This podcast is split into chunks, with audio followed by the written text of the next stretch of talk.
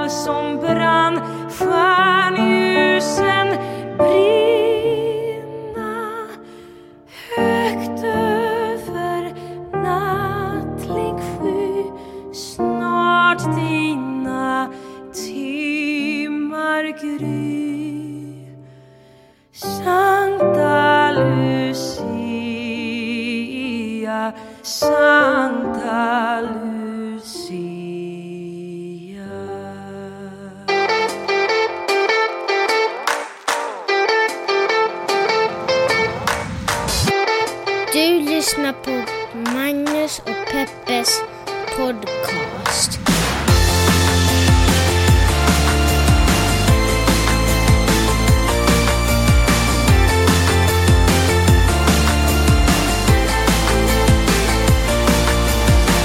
Hallå internet!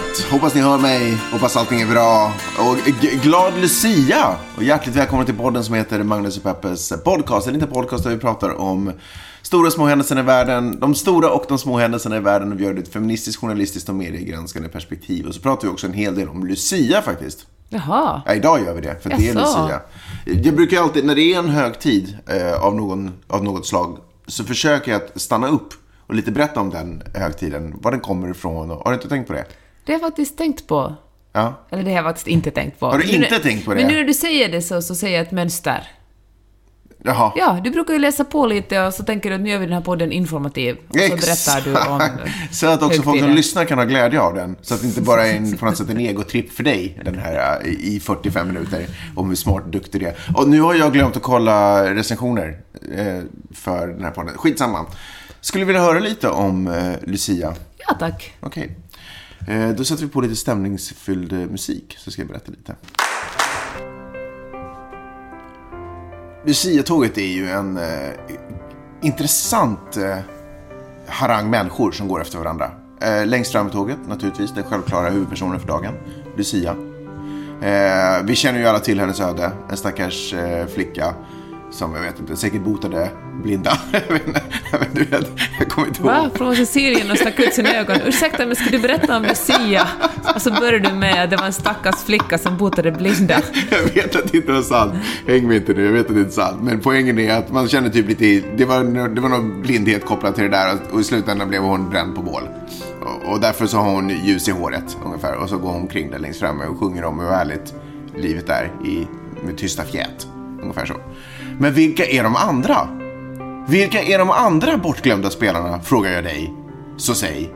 Eh, då har vi de andra spelarna som man sällan pratar hemskt mycket om är ju eh, dels tärnorna.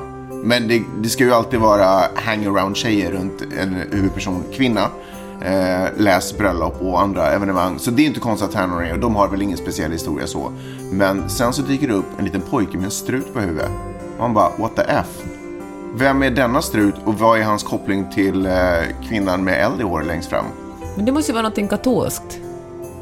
Jaha, intressant, intressant. Frågor börjar poppa upp i ditt huvud. Vem är det, eller hur? Du tänkte att du började skoja någonting om Ku Klux Klan. Nej, nej, han har ingenting kopplat. Vet Det är inte en rasse som går längst bak. Så är det inte tanken med Men hör tåget. du, vet varför Ku Klux Klan har de där höga strutarna på huvudet?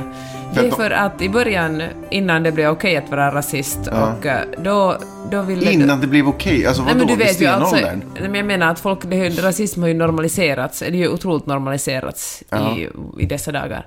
Men eh, det var för att då skämdes man över det och då ville man inte kunna se, det kanske en, en ganska liten stad där Ku Klux Klan hade en eh, en, vad heter det, en underförening. Och då för att man inte skulle känna igen vem som var med i det så hade alla höga strutar för att man inte skulle se längden på, på människorna.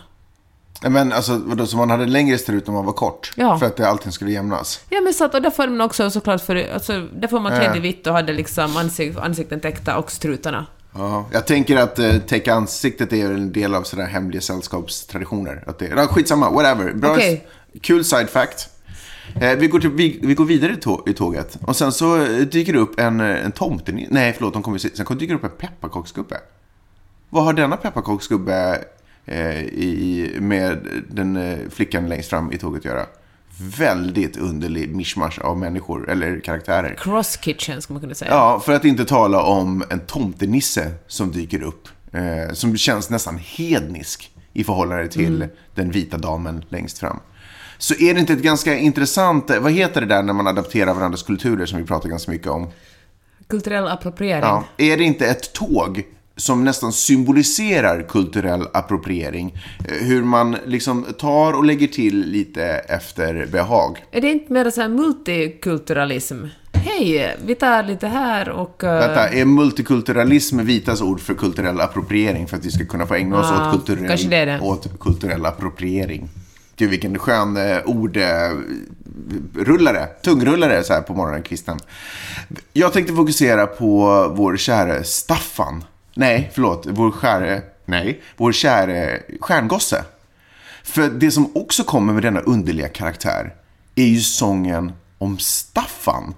Han som var en stalledräng. Och då bör man undra, heter stjärngossen Staffan? Eller vad har Staffan med denna stjärngosse att göra?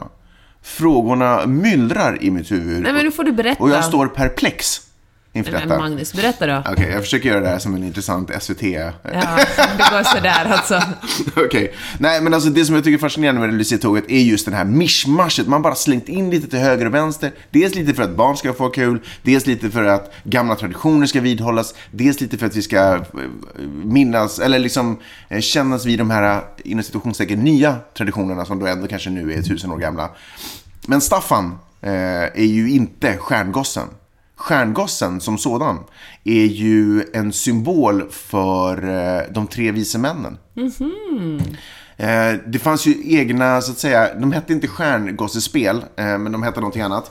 Som handlade just bara om hur de här tre vise männen kom och, och liksom följde stjärnorna och, och, och, och, hittade fram till den lilla krubban där Je- Jesubarnet låg på den. Men det finns, tror jag, den finska Lucia- Lucia-versionen. När Mhm. man firar Lucia på finska, då finns det, tror jag, tre stycken vise män. Tre vise män, men går de omkring i strut? Nej, de går omkring i blackface. Va? På riktigt? Ja. Okej, vi talar- ja, vi går snabbt förbi det här. Vi pratar inte mer om det där. Ja, eh, nej, men så stjärn, det är det som är stjärngossens funktion. Det är därför han går omkring som... De här tre vise männen, de har ju ibland missuppfattats som tre magiker. Som tre astrologer och liknande. Och det, och det var väl... Eller ja, vad fan vet jag vad de var för någonting egentligen. Men ibland är en kung... Astrologer. ja.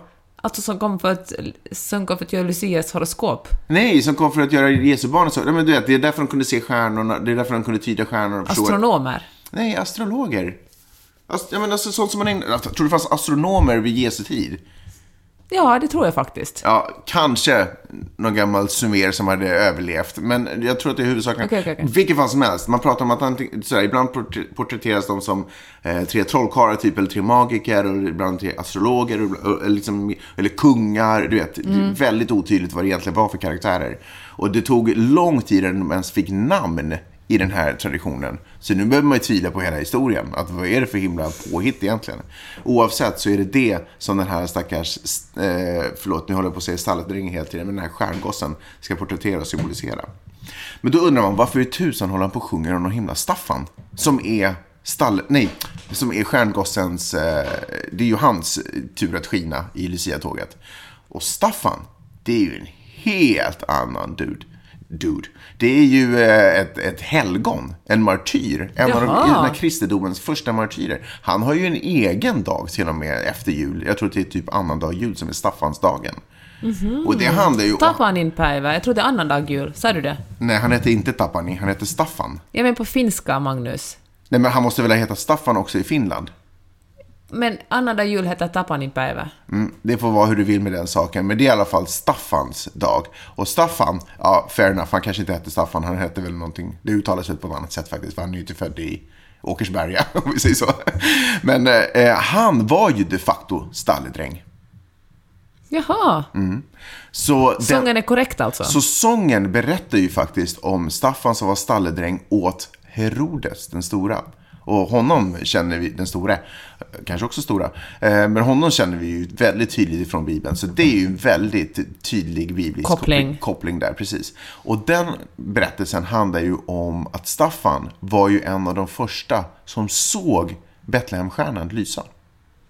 Och han bara, för han är ju ute och håller på med hästar i stallet. Så han bara, vad i helsike är det som lyser där uppe? Och så tittar han upp och han bara, oh my god. Jag har hört om det här. Det här är, en, det här är ju profeti, en profetia håller på att infrias nu. För att han hade hört en historia, kanske tidigare i sitt liv, eh, om det här. Och så han bara rusar upp till Herodes. Inte helt typiskt en stalledräng, om vi säger så. Men han rusar upp till Herodes och han är så här, stjärnan är uppe, det har tänts en stjärna där uppe. Det betyder ju att judarnas konung har ju äntligen fötts.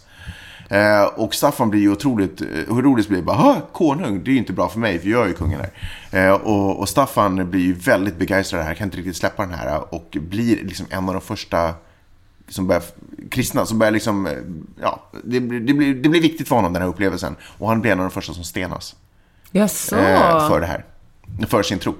Eh, och blir martyr. Hens eh, har vi den här eh, Tapani, Tapanin Päivä och Staffansdagen. Och hens sjunger den stackars eh, stjärngossen om Staffan som var en stalledräng. Jag tror att anledningen att stjärngossen sjunger det här är för att han har ingenting annat att göra. För att hans historia är lite lame och det handlar ju ändå om hur, Lucia. Men det här var ju faktiskt intressant, Magnus. Jag visste inte. Nej, kul att kunna bjuda på lite det. Nästa, nästa Lucia, om ett år ska vi prata om pepparkaksgubbarna. Så häng med. Författaren Lena Andersson skriver en opinionstext i Dagens Nyheter där hon eh, talar om eh, våldtäktsmannen Jean-Claude Arnaults dom. Han ska sitta två och ett halvt år i fängelse för, eh, för våldtäkt. Och hon eh, skriver att eh, hon tycker det är tråkigt att rättsväsendet har gått till det här att man bara man bara dömer utan att se på liksom, utan att se någon slags nyanser eller tolkningar, utan att rättsväsendet är som en robot, skriver hon. Och eh, så argumenterar hon för att den här kvinnan som anklagar eh, uh, Arnault för våldtäkt, hon gick ju tillbaka till honom och efter att han hade våldtagit henne första gången sov hon en annan gång med honom och vem skulle göra något sånt här, really?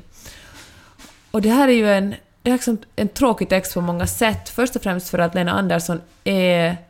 Jag, men, jag har alltid sett henne som en väldigt intelligent kvinna. Eller hon är en intelligent kvinna, men det visar kanske också på att man kan vara intelligent på många sätt och samtidigt ganska blind och, och dum på många sätt. Men hon måste ju ha en känslomässig koppling till honom.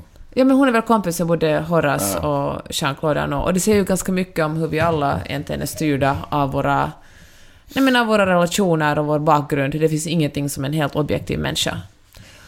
Men jag tycker det är otroligt tråkigt det här för att äh, hon, hon argumenterar ju ofta för att människan ska vara rationell och, och att vi ska, måste behandla människor ra, som rationella varelser. För annars så... Ja, men det är ovärdigt att se människor som irrationella. Men det är ju faktiskt just det som människor är. Vi är det som, hon faller ju själv i den fällan. Hon är ju känslomässigt påverkad på grund av att hon känner de här, de här männen. Och på samma sätt så, så är en, en kvinna som har blivit utsatt för våld eller våldtagen en, en känslomässig varelse. Man kan ha en, eh, man kan ha en, en, en relation, vare sig det är en vänskap eller en kärleksrelation till en man eller en kvinna, och ändå bli våldtagen av den här personen. Det, det handlar ju, det är ju samma sak som en, en, en säg hustrumisshandel, en kvinna som blir slagen, det är ju inte hennes eget fel om hon inte lämnar den här mannen genast, trots att hon vet att det med största sannolikhet kommer att hända igen. Samtidigt tänker jag att sådana texter kanske måste skrivas Varför för då? att... eh, Men för att man ska få motargumenten, för att andra smarta människor ska kunna förklara varför det inte är som Lena Andersson får det att låta. Jag tycker det är speciellt intressant för att Lena Andersson har ju... eh, Hon har ju väldigt mycket auktoritet i och med att hon är en så pass känd författare och att hon skriver... men Hon är regelbunden opinionsbildare i Dagens Nyheter. Och, eh, så jag tror att hon har väldigt mycket tyngd. Och då tycker jag det är klart hon ska få... Det är klart hon ska få skriva såna här texter, men då, får hon ju, men då måste hon få bli emotsagd och de argumenten som säger emot henne måste också vara tunga. Och det, har, jag tror att många, det har kommit, jag tror att både svenskan och idén hade kommit liksom mot argument mot den här texten. Men det handlar, det är väl liksom att... Eh, gud vad jag hatar att dra fram yttrandefriheten, för det kanske inte egentligen är det det handlar om, men i ett öppet samhälle måste man, måste man kanske kunna diskutera den här saken, liksom stöta och blöta, föra liksom en, en en vettig, lång Men vad är, det vi ska, vad är det vi ska stöta och blöta? Jag förstår inte. Han är ju dömd. Vad är problemet? Ja, men jag tycker att det, alltså det finns ett... eh, Jag håller absolut inte Det här är ju med inte en Lena. argumentationssak. Vet du vad jag tycker att det här är ett fantastiskt exempel på? Det som världen lider av nu, nämligen känslor framför fakta. Alltså, på samma sätt som eh, hon i sin artikel symboliserar och illustrerar det, så är på något sätt eftersvallet av konversationen också en symbol på just detta. Nämligen, hon pratar om att eh, det är synd att domstolar agerar som robotar.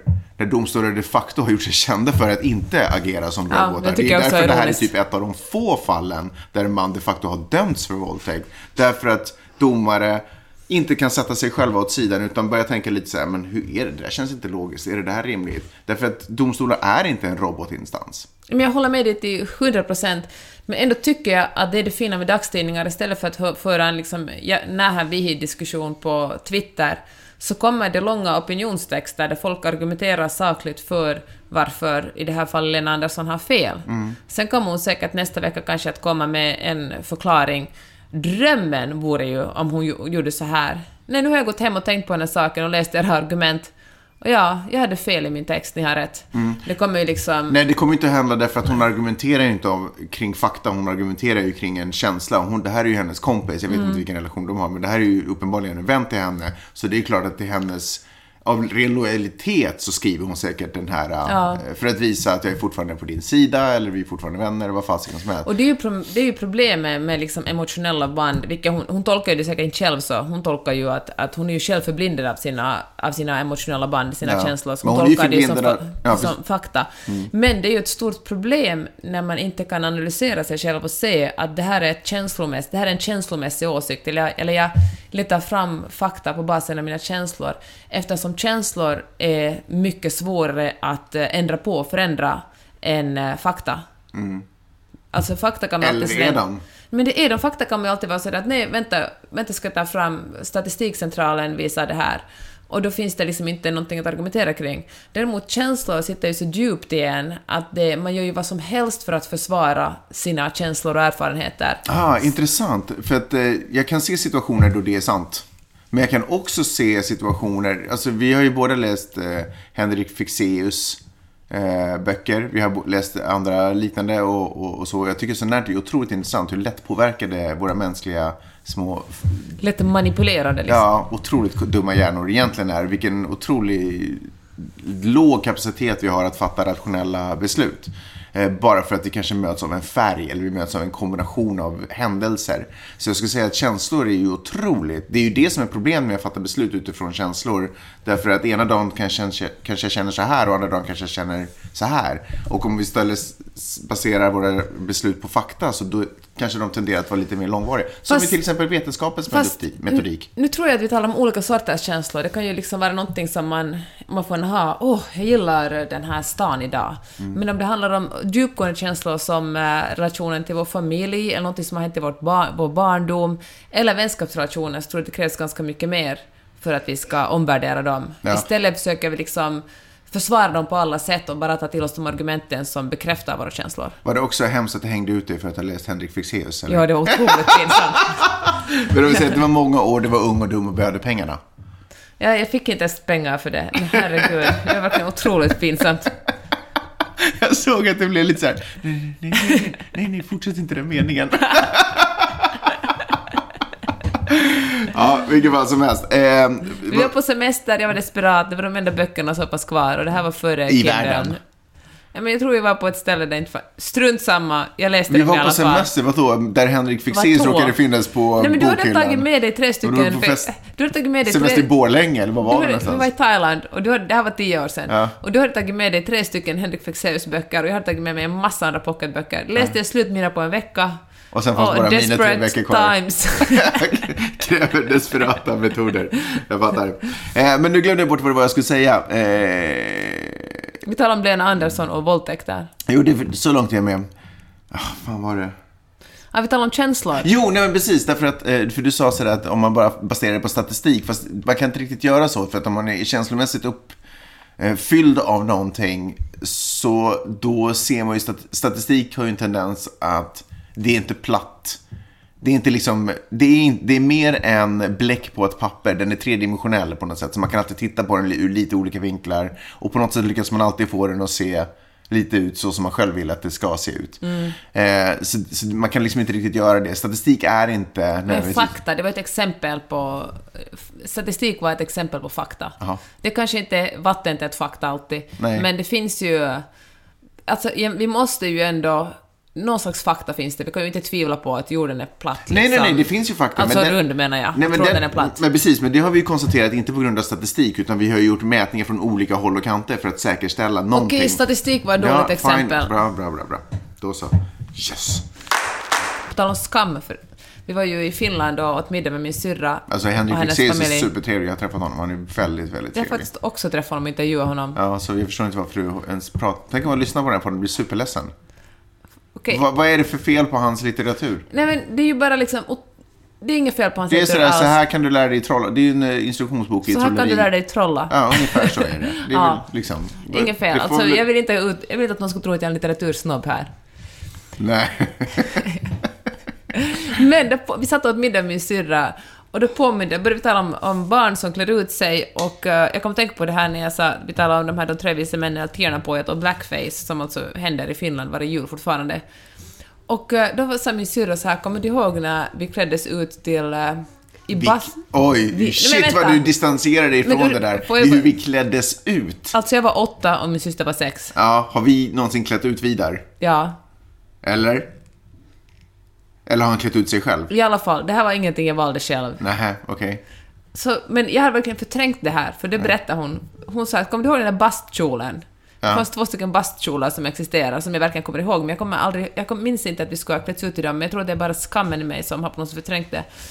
För att på, på 80-talet i lågstadiet kläddes vi ut till eh, jag vet inte, men vi hade bruna strumpbyxor, Sapure, mörk, mörk bruna strumpbyxor och var bruna i ansiktet. Alltså nid, och, uh, nidbilden av en person, alltså någon sån här söderhavs... Alltså dit som... Pippi Långstrumps Dit som pappa. ja, exakt. Ja. De, de som Pippi Långstrumps pappa var kungar över. Eller kung Ja. över. Ja. Och då kände jag en skam när jag... För att du också har sprungit omkring och varit blackface Ja. och gjort... Eh, vad heter den där uh, varietéformen från början på 1900-talet? Ja, skitsamma. Ja, Pikinani. vad sa du? Pikinani, heter det så? Jag vet inte. Ja, vilken fall som helst. Ja, men det är bra. att Viktigt att du tar ansvar, Peppe. Ta också ansvar för ditt åttaåriga jag. Jag ska prata om eh, vänskap. Det är ju en fantastisk sak egentligen. Vänskap kan ju få en att genomlida ganska mycket har jag märkt. Och när jag säger genomlida så syftar jag egentligen på vistelsen i Sverige och Finland. Nej, men det är kallt här. Vad kan jag säga? Det är otroligt kallt här. Eh, och det är ruggigt. Och jag har inte sett eh, blå himmel sen jag landade på Arlanda. Boo-hoo. Nej, men lyssna. Jag tror att det jag kommer till är eh, hur eh, fina möten jag haft med vänner, vänner här. Och hur det är så otroligt, alltså, man, man inte har setts på länge, det är så otroligt magiskt att kunna bara knyta an som om ingenting skulle ha hänt. Det är inte ens hej när man ses, utan man bara tja. Och så sätter man sig ner och så bara fortsätter livet som vanligt. Och hur allting blir uthärdligt. Hur allting blir, inte ens, alltså mer än uthärdligt, hur allting blir bra när man sitter med i goda vänners sällskap. Och då har jag tänkt att det kanske det som gör också att det ibland känns läskigt att flytta någon annanstans och obehagligt därför att man ser man ser inte ett liv med vänner dit man flyttar utan man kanske ser sig själv som att man åker till ett, på ett mission eller du vet man ska uppleva någonting eller se någonting men man själv är i fokus. Men, eh, och så tänker man så här, men hur ska det här gå? För att vem ska jag sitta och hänga med och allt det här blir tråkigt. Fast man kanske inte formulerar, varför, vad händer med dina Du, ögonbryn? du åkte ju med din bästa vän till LA. Men det, är ja, men det är säkert därför som det också aldrig har varit, känts konstigt eller aldrig varit outhärdligt att åka. Därför att vi har hela tiden haft varandra. Och eftersom vi är så otroligt bra, vi är sympisar, eller vad säger man? Kumpisar. Kumpisar. Eh, symp... Ja, skitsamma. Eh, nej, men jag bara inser att man kan vara precis var som helst, men när man sen sitter i goda vänners. Och nu har vi dessutom fantastiska vänner också i LA, så vilket gör att den upplevelsen naturligtvis förstärkts liksom hundra gånger. Eh, hundra gånger. Hundra, hundra gånger. Eh, men hur fantastiskt det är att sitta eh, med goda vänner. Alltså verkligen underskattat. Eh, Icke att förakta släkt. Men vänner är ju ändå en, en liten annan twist på det. Men det är ju släkt du- man har valt själv. Men du, det har jag faktiskt Eller tänkt på. valt. Att efter LA så då flyttar vi kanske till Bangkok eller Buenos Aires eller Kapstaden eller vad vet jag, någon annan spännande Vi har plats. aldrig snackat om Kapstaden. Nej, men det var ett exempel nu. Och, eh, men nu känner jag faktiskt det att vi har ju så många riktigt goda vänner i LA också. Ska man verkligen kunna riva upp sina egna rötter och dra iväg från dem och vara tvungen att hitta ny, nytt folk på en ny plats? Men det handlar ju inte om att eh, riva upp utan det handlar om att knoppa av. Så gör det mer som. Eh, faktum är att jag har märkt att sådär, genom att flytta och röra på mig så har vänner, vänskapliga relationer har liksom, eh, kon, vad fan, du vet, Fördjupats? fördjupats. Jag skulle nästan vilja säga som man gör en, eh, mat, en, en soppa så ska man bara få så mycket vätska som möjligt. Att det koncentreras liksom. Reduceras heter det inom matlagningen. Eh, men, nej, men så jag känner verkligen det. Eh, Många som jag inte alls har kontakt med i Sverige som jag har hängt med i decennier. Som jag inte har någon kontakt med alls. Och så är det lite i livet. Men man skapar nya på nya platser och jag tycker det är en ganska fin sak. Eh, faktiskt. Men jag kan också tycka att det finns något fint med både gamla vänner men också att hitta nya vänner i vuxen ålder. Folk som ser en som man är idag, inte som när man var 15 eller 5. Nej.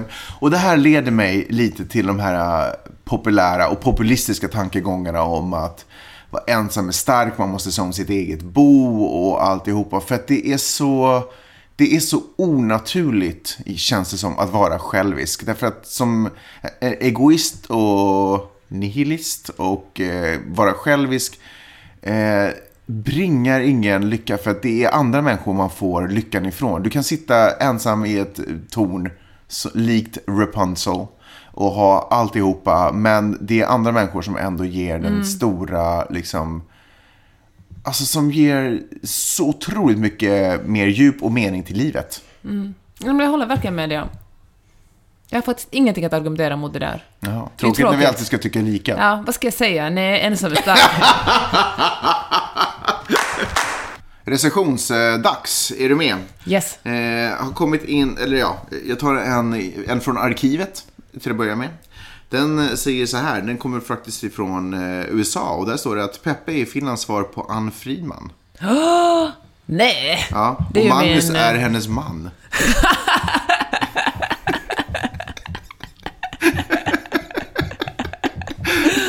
Vet inte jag svar på någonting? Jag älskar den här kommentaren. Alltså, Anne Friedman är ju... Det är ju en... Är en det Anna Friman, alltså hon som eh, jobbar i Helsingfors på... Jag skojar! Jag skojar. Nej, Anne Friedman är en otroligt bra journalist. Vet du om att jag faktiskt sammanförde dem på Twitter? Och Ann, Ann Friedman skrev till Anna Friman. Är det sant? Ja. Nej, det visste jag inte. Ja, jag skrev på Twitter bara, åh, lika som bär, Anna Friman och Ann Friedman. Och, vad heter det? och så svarade Ann Friedman, åh vad kul att vi är namnet typ, eller något sånt. Liksom.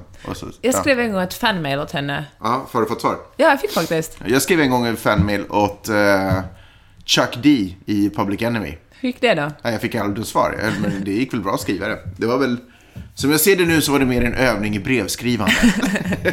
En kommunikation. Ja. Eh, kul i alla fall, den, den kommentaren gav fem stjärnor. Ja. Så det var i alla fall... Aj, men jag ger också fem stjärnor åt den kommentaren. Ja, jag förstår. Kan du börja poängsätta Att recensionerna? vi sen poängsätter tillbaka. Vad konstigt. Men alltså, ja, fine. Jag, kan, jag vill inte ta liksom bort någonting från dig, men att jag bara på något sätt liksom tituleras som din man känns, eh, det känns, inte, ju... helt, Magnus, det, det känns inte helt fulfilling. Magnus, det är fakta. Ja, jo, men jag är ju det, men kan jag inte också få vara, kan jag inte få vara, också vara min egen person? Vem skulle du vilja vara då? Om Sveriges svar på... Jag skulle vilja att det var så här typ ehm, Peppe är Finlands svar på Ann Friedman och Magnus är Sveriges svar på Brad Pitt. En kommentar som kom in för några dagar sedan faktiskt bara. Eh, tack för det Jenny. Är också fem stjärnor var den värd. Eh, skitbra språkbadsmaterial. Kitos. Oj! Och då tänker jag att man använder den här podden som ändå är på svenska, som ni säkert har förstått vid det här laget. Eh, men man inte har svenska som huvud... Eh, Första språk. första språk. Eller modersmål. Modersmål heter det, ja. Eh, och så lyssnar man ändå och så lär man sig mer svenska. Fast nu vet inte jag, är det, liksom, är det här en bra sak? Lär vi folk bra svenska med vår podd? Ja, kanske. Svenska som svenska säger jag. Så säger jag också. Superkul att ni skriver kommentarer. Fortsätt jättegärna göra det på iTunes. Det är åtminstone därifrån jag läser upp dem. Jag vet inte om man kan skriva någon annanstans. Gå in och ratea och sådana saker. Det betyder ju så ohyggligt mycket. Och sen så vet ju ni alla att ni är en del av en exklusiv skara som går i bräschen för framtiden. Nämligen de som betalar för innehåll och poddlyssning. Eh, eller fuck, betalar för innehåll generellt. Så att jag hoppas att det inte vi är de enda ni betalar för. Utan ni också betalar för annat innehåll ni införskaffar er. Konsumerar. Konsumerar, snyggt. Eh, är det så att det här var nyheter för dig så då är det lätt att fixa det. Lyssnar du på podden så då kostar det och då går du in på janetteochman.com och gör det via din laptop så har du i högerbalken så har du en Paypal-symbol som du klickar på och eh, går vidare. Eh, gör du det här via telefonen, kanske till exempel nu när du sitter och lyssnar på bussen eller vad du nu befinner dig. Så bara klickar du, trycker du på hemknappen och så går du in på Peppes eh, hems Peppes blogg. Min hemsida. Ja, men då måste du scrolla ner mer, för då finns den inte i högerbalken, utan då går du in på hennes sida och så bara scrollar du ner och där kommer du hitta För Paypal. allt vad tummen håller. För allt vad tummen håller. Sätt det sista tumenergin på det. Och sen så, så är det också en del av den här framtidsklicken som vi har skapat. Vi kallar, vi kallar oss för Future Kids. Cool. Mitt första riktiga jobb jag hade så hamnade jag i ett, eh, jag placerades i ett rum med massa andra ungdomar. Jag kanske var 22 eller något sånt. Du firade ditt första riktiga jobb när du var 22. Ja, mitt första riktiga jobb. Jag hade haft jobb innan, men det här var liksom det som blev, det var lite sådär, det här är en karriärjobb. Ah, ja, vad jag okej. menar? Ehm, Jaha, du tänkte ett första liksom, som jag får lön för? Ja. nej men strunt samma. Eh, Inte långt ifrån sanningen där heller. Men då hamnade jag i alla fall, jag placerades i ett rum som faktiskt hette Future Kids. Eh, och det underliga var att då så tänkt, kände jag att det var liksom, det var coolt. Att shit, jag är verkligen, man, I'm, I'm one of the future. Men vänta nu, om man är ett barn eller typ 20 Ja. så är ju man per definition En framtiden. kid. Ja, ja men, precis. Fast, fast, ja, inte nödvändigtvis. Det finns också slashasar där ute som inte alls bidrar på något sätt till framtiden. Eller? Bidrar slashasar till framtiden genom att hålla tillbaka utvecklingen lite så att det inte går för fort? Kanske ändå fyller en Finska funktion. knycket eller något sånt heter det va? När man föder barn Ja. och håller tillbaka lite så det inte ska gå för fort och Ja. eh, kvinnans underliv inte ska Precis. gå Så, sönder. så tänk, finska knycket. Rycket, Finns- finska, men det he- heter någonting sånt. Det är liksom färre kvinnor i Finland får underlivsproblem efter förlossningen just för att barnmorskorna har en sån teknik. Jaha, det är barnmorskorna som håller tillbaka. Ja. Och då får kvinnan problem med underlivet. Får inte problem. Får inte problem Föder man barn för fort liksom, så kan det allt möjligt rivas upp i ens underliv. Jaha, det finska rycket eller knycket? Nej, men jag kommer inte ihåg vad det heter, men det är en teknik som barnmorskor i Finland använder sig av. Det är ju otroligt bra. Och då Ja. tänker jag, är slasarna det Ja. för... eh, Världens liksom, motsvarighet till det finska knycket. eller så kan man säga bromsklossarna. Ja, precis. Men, och, och bromsklossarna har ju också ett oförtjänt eh, Dåligt rykte. För man tänker att det är de som inte får saker och ting att gå framåt. Men i vissa situationer, till exempel i en, flygplan, en parkerad flygplanssituation, så är det väldigt bra om flygplanet inte rullar iväg. Och då är bromsklossarna fantastiska att ha. Medan vi sitter här vid köksbordet på Vallavägen har jag Denna fått... eh, Lucia. Ja, jag öppnade just ett mejl från uh, Louise Winblad som har illustrerat min hästbok, Mm. min eh, hästbok för barn. Och de är så otroligt fina de här illustrationerna. Okej. Hon är så duktig. Jag, jag sitter här och är liksom lite bubbligt glad i kroppen. Vilken julklapp, roligt. Ja, det känns verkligen så. I, eh, I februari kommer det ut den boken.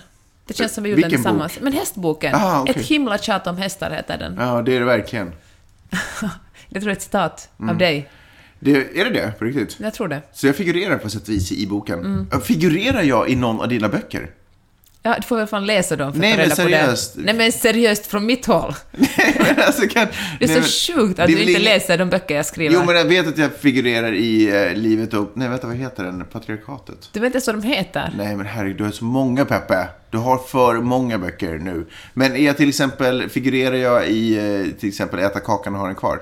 Men herregud, Magnus. Som den inte blev att heta, utan... Men gud! den, den heter inte det. Det var, det vet arbets, inte ens titeln på min första det var roman. arbetsnamnet. Den heter Själlösa i Helsingfors. Nej, den heter... Eh, Helsing... Och så undrar du varför du får dåliga recensioner. Ditt arroganta svin. Jag måste klippa bort det här. Så vi avslutar med lite snabb uppdatering om vad som hänt i USA. Jag fick ett eh, akut mail från Rose Durkin som, med, eller så frågade mig egentligen om eh, Vidars, i, eller i, den igelkotts, igelkotts huvudbonad som ska bäras av Vidar och tre andra pojkar i uppkommande skådespel. Om det befann sig i klassrummet eller om de fanns fortfarande hemma hos mig i min garderob. Så jag var tvungen att meddela dem om att de fanns i min garderob. Så det var lite tråkigt. Så nu blir genrepet på måndag blir ju bara i t-shirt och jeans för de andra pojkarna. Aj, aj, aj. Inte bra, inte bra, inte bra. Har uh, Vidar övats på sina repliker? Uh, inte i min närvaro. Och verkligen inte i min närvaro uh, heller. och, och knappast för sig själv.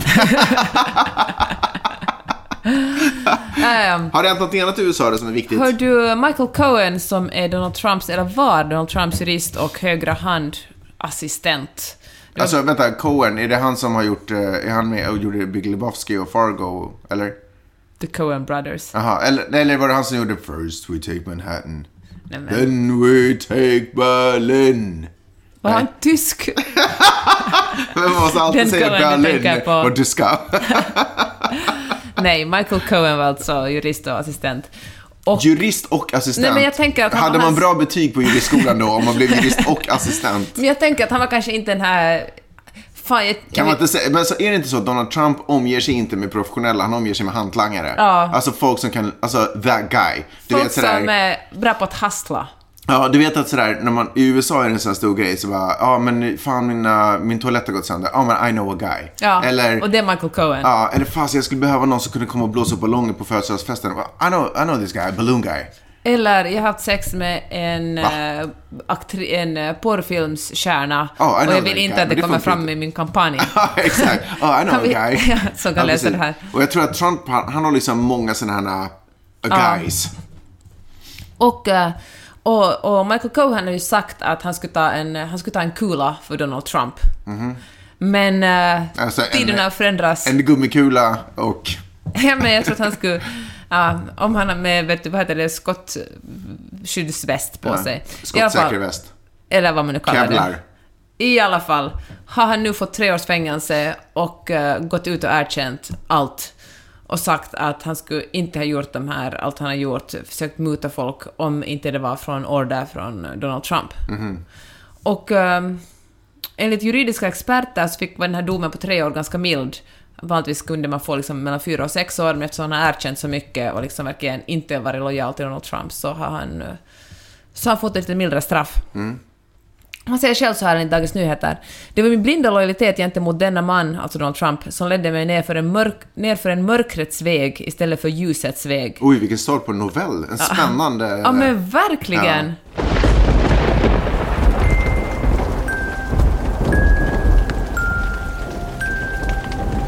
Det var min blinda lojalitet gentemot denna man som ledde mig ner för en mörkrets väg istället för ljusets väg. Jag kände att det var min plikt att täcka upp för hans smutsiga handlingar.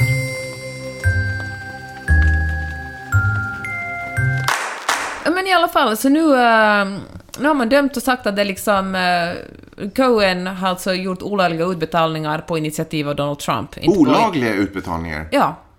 Och, eh, och däremot är Trump implicit medskyldig till brott. I praktiken kommer det knappast att fälla honom att hända någonting. Han är ju det är verkligen som att hälla vatten på en gås. Men, Ja, eh, men också för att men de... det blir kanske en liten spricka i alla fall i gåsen. Ja. ja, det ska nog mycket till. Eh, precis, kongressen i, styrs ju nu av demokrater och de skulle ju möjligen kunna dra igång en, eh, en process där han på riktigt utreds. Men för att den processen ska leda till att han de facto fälls behövs senatens stöd och senaten är ju huvudsakligen republikansk, till och med starkt republikansk. precis. Så det är nog inte så troligt. Där hade vi det. Ja, en kort grej till. Jaha. Nancy Pelosi, som du tycker om att snacka om i den här Ja. podden, hon, eh, hon har nu börjat visa sin styrka. Hon, eh, hon har nu sagt till åt Donald Trump eh, under en filmatiserad... Filmatiserad? Filmatiserad version. Det var inte det jag skulle säga. Televiserad eller? Televiserad. Ja. Har då sagt till, han, han försökte skrämma henne med att hon skulle veta sin plats. Ja. Men hon säger att hon har i egenskap av ledare för Demokraterna just nu, eller åtminstone potentiell ledare för Demokraterna, så har hon folket, majoriteten av folket bakom sig och tänker inte bli skrämd av hans eh, taktik. Han får verkligen lyssna på henne nu. Och det är ju lite coolt, alltså det finns någonting som jag tycker är väldigt coolt med henne. Jag håller med dig om det som vi talade om i några poddar sen, att eh, partiet borde ju ledas av en ung person, någon från framtiden. Men det finns någonting eh, coolt att vara en politiker i slutet av sin karriär. Nu får alla som har barn med sig i bilen hålla för öronen. Det känns som Nancy Pelosi har no fucks to give. Hon bara, hon är 78, hon är rik, hon bor i Kalifornien. Hon kan göra vad hon vill i Vita huset, känns det som. Det är lite sådär som du föreställer att du själv kommer bete dig på ålderdomshemmet. Att du kommer springa runt och have no fucks to give. Men man kan ju hoppas, fast vara snäll ändå. Ja, ja, ja alltid, alltid vara snäll. Bra, tack för den uppdateringen. Utrikeskorren eh, Jeanette Öhman eh, på plats alltså i Kalifornien. Vi tackar så hemskt mycket för den här sändningen och vi återkommer om några dagar igen. Och tack så hemskt mycket för att ni finns, att ni lyssnar på oss, att ni kommenterar, att ni visar ett engagemang. Det betyder så ohyggligt mycket. Nu, Ja, det gör det faktiskt. nu ska jag gå och spela in en, eh, en vettighetspodd med Rebecca Stella och Vanessa Lindblad. Vi hörs alldeles strax. Hejdå! Hej hej!